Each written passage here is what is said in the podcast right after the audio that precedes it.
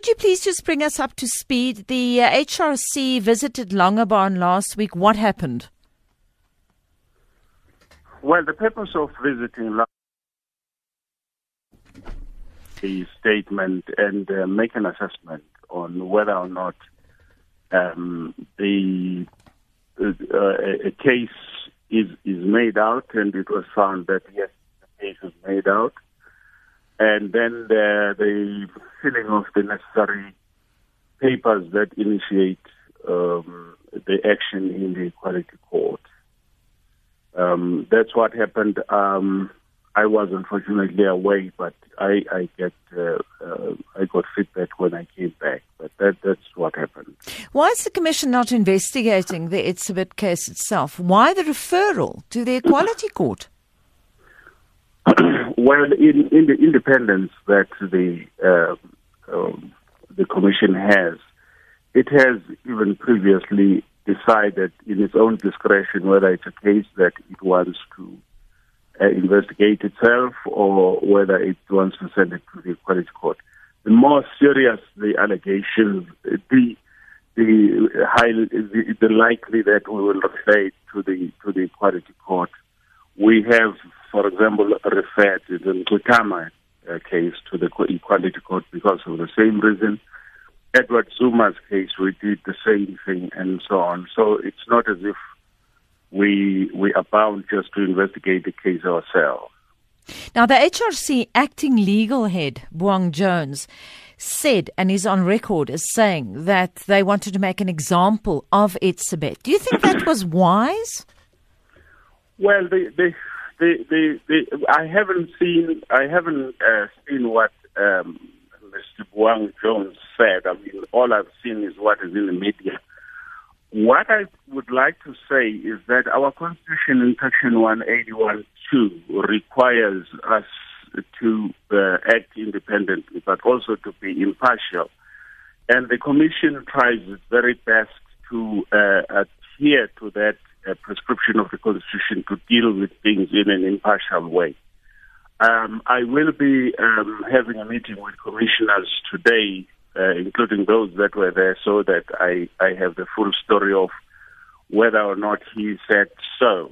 Mm. Um, it has been reported previously that uh, the commission has done certain things, and not by your media house, but with uh, by others, and then we find that when we check, it, it didn't it, it didn't happen. So mm. I do not know whether he said so at this stage, but the, the, the, the principle by which we are supposed to work is the principle of impartiality as an organization, and we would like to enforce that as much as possible because we're aware that there are always two sides to a story. Once we've had one of the sides, we cannot then conclude that a person is um, guilty and then, you know, make statements that indicate that a person is guilty. Professor we could say Major- that we believe on the evidence there's a strong case against them. Mm-hmm. Professor Majola, I'm sitting here with a number of quotes uh, of uh, Buang Jones in front of me, and there seems to be some prejudice on the part of Mr. Jones. He also said that Etzebeth gets away with murder.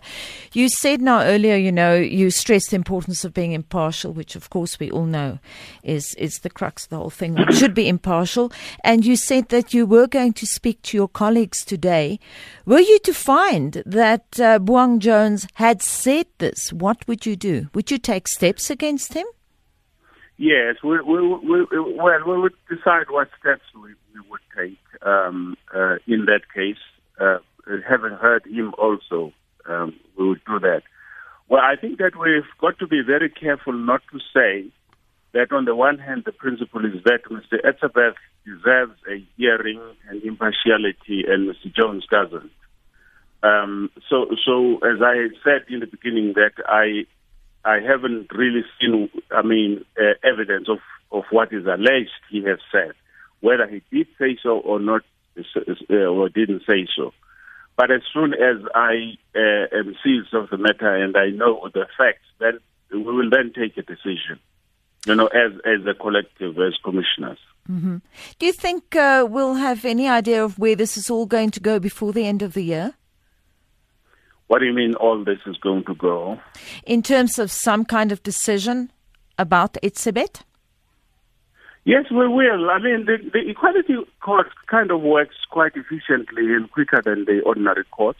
Cases there do not uh, linger too long on the roll. Uh, now that we have filed, uh, we will have to uh, file our, our supporting affidavits, uh, and, and then he will file his own uh, response, and the, the what we call the, the matter will go on to the he- for for a hearing, and um, and the judgment um, and a decision will be made by the Equality Court. There are some organizations, I referred to them in the introduction, such as the uh, Freedom Front Plus and the Afrikaner Bond. We're going to speak to the Afrikaner Bond just after this interview with you. They're saying that you are selective in the cases that you hear. They were saying, for example, that uh, the Commission dragged its feet with the BLF and the Afrikaner Bond referred to a racism case of a teacher of Swazi at the beginning of the year. And they say the same holds for the Ashwin Willemse um, case and their complaint made against Julius Malema in 2010. What would you say to that, Professor, of um, the Commission being selective in terms of the cases that it chooses to highlight? Well, well, the Commission is not selective in the way in which it deals with, with its matters. And it cannot deal with one case whose facts are completely different from others in the same way as it deals you know, in other words, we can't be uniform. We are guided to an extent by the facts of each of the cases and the severity of the allegations that are involved. Um, and um, so, so th- there will be uh, cases which will uh, take ourselves. There will be cases that are, are, more outrageous than other cases, and so on. Um, I, I, just think that those people who think that we're deliberately uh, um, being selective uh, are, are kind of misguided in the sense that they would expect us to do what they think they, they want to do. We are a commission and we do things according to the way in which we as the commission do things. You know, I, I do understand their their frustration, but it doesn't mean that because they, they see things the way they see them, then that that is true. It is not. Thank you very much for that interview. Dit dan die voorsitter van die MRK professor Bongani Majola. Ons bly by die storie. Ons praat nou verder met die hoofsekretaris van die Afrikaner Bond, Jan Bosman. Goeiemôre Jan. Môre Anita. Jy het nou na die onderhoud geluister, verstaan ek?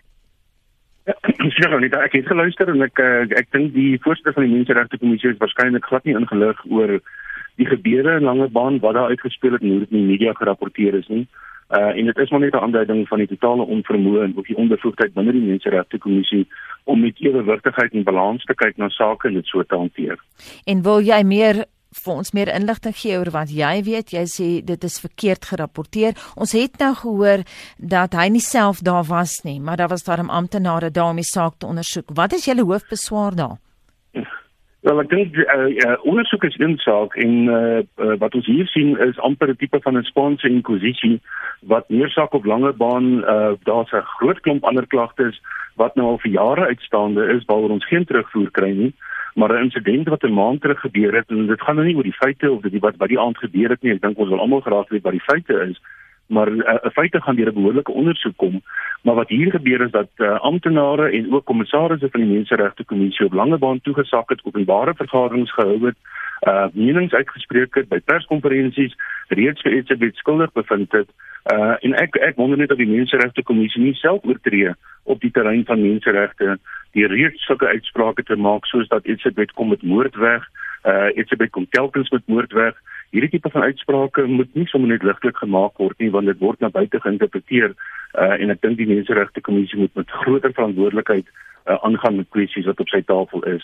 Maar net so is daar ook 'n klomp uitstaande sake jy het nou verwys in jou onderhoud met die voorsitter ook byvoorbeeld na Swazi Reneke waar die menseregte kommissie ook vroeër vanjaar opgedraf het groot uh, lawaai gemaak het uh, en Sedertdien doodstil is oor die kwessie. Nie 'n woord van verskoning nie, nie 'n woord van die feite wat daar gebeur het nie.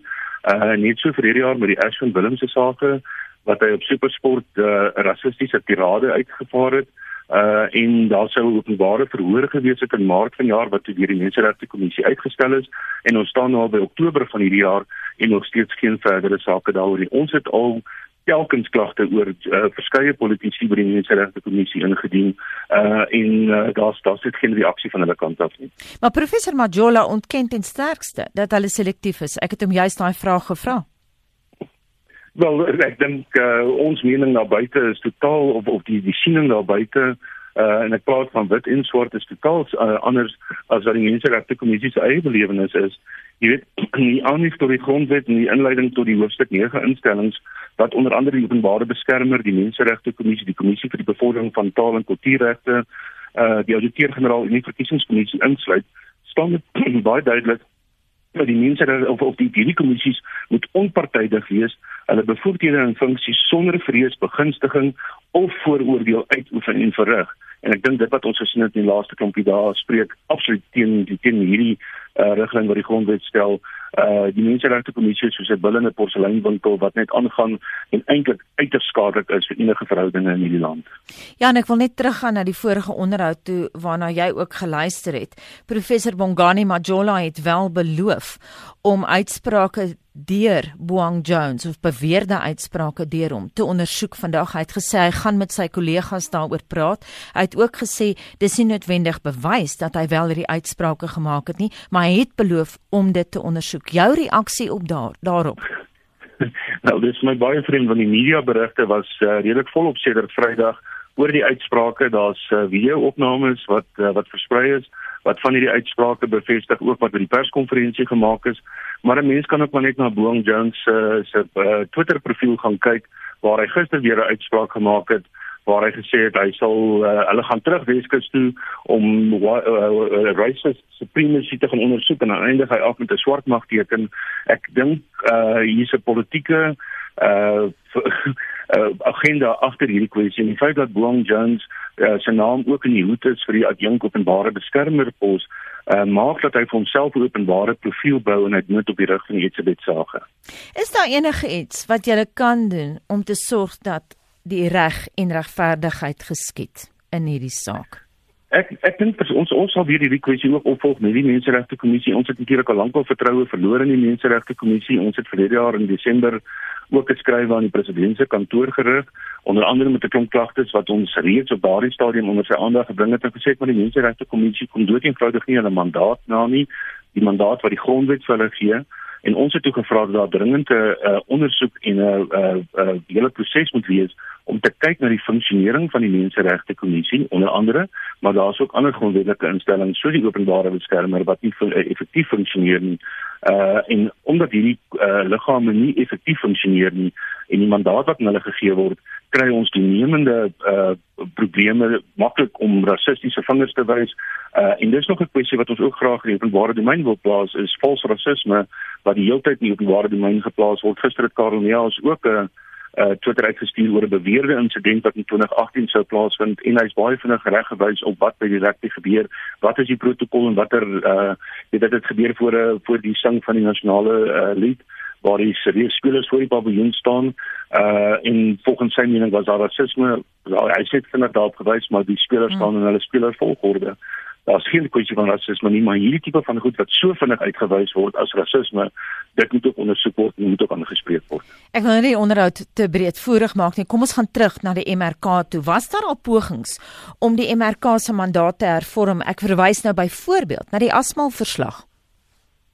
Ja, dit het al in 2007 gebeur waar daar 'n ondersoek was, 'n omvattende uh, ondersoek deur uh, oud-minister Asmal uh, wat 'n hele klompie aanbevelings gemaak het wat by die parlement ingedien is daar het niks daarvan gekom nie. In 2017 was daar verwysings daarna en was daar weer sprake van 'n uh, van 'n ondersoek. Maar jy weet dit is nou al 10 jaar meer as 10 jaar later en die, die goed gebeur dood eenvoudig nie. En intussen tyd uh, worstel Suid-Afrika nog steeds met rasisme en beweerde rasisme en niks word in die saak gedoen nie. Baie dankie. En as ek as as ek praat van rasisme dan is dit nie net wit rasisme nie. Ons moet ook kyk na swart rasisme en dit moet konsekwent toegepas word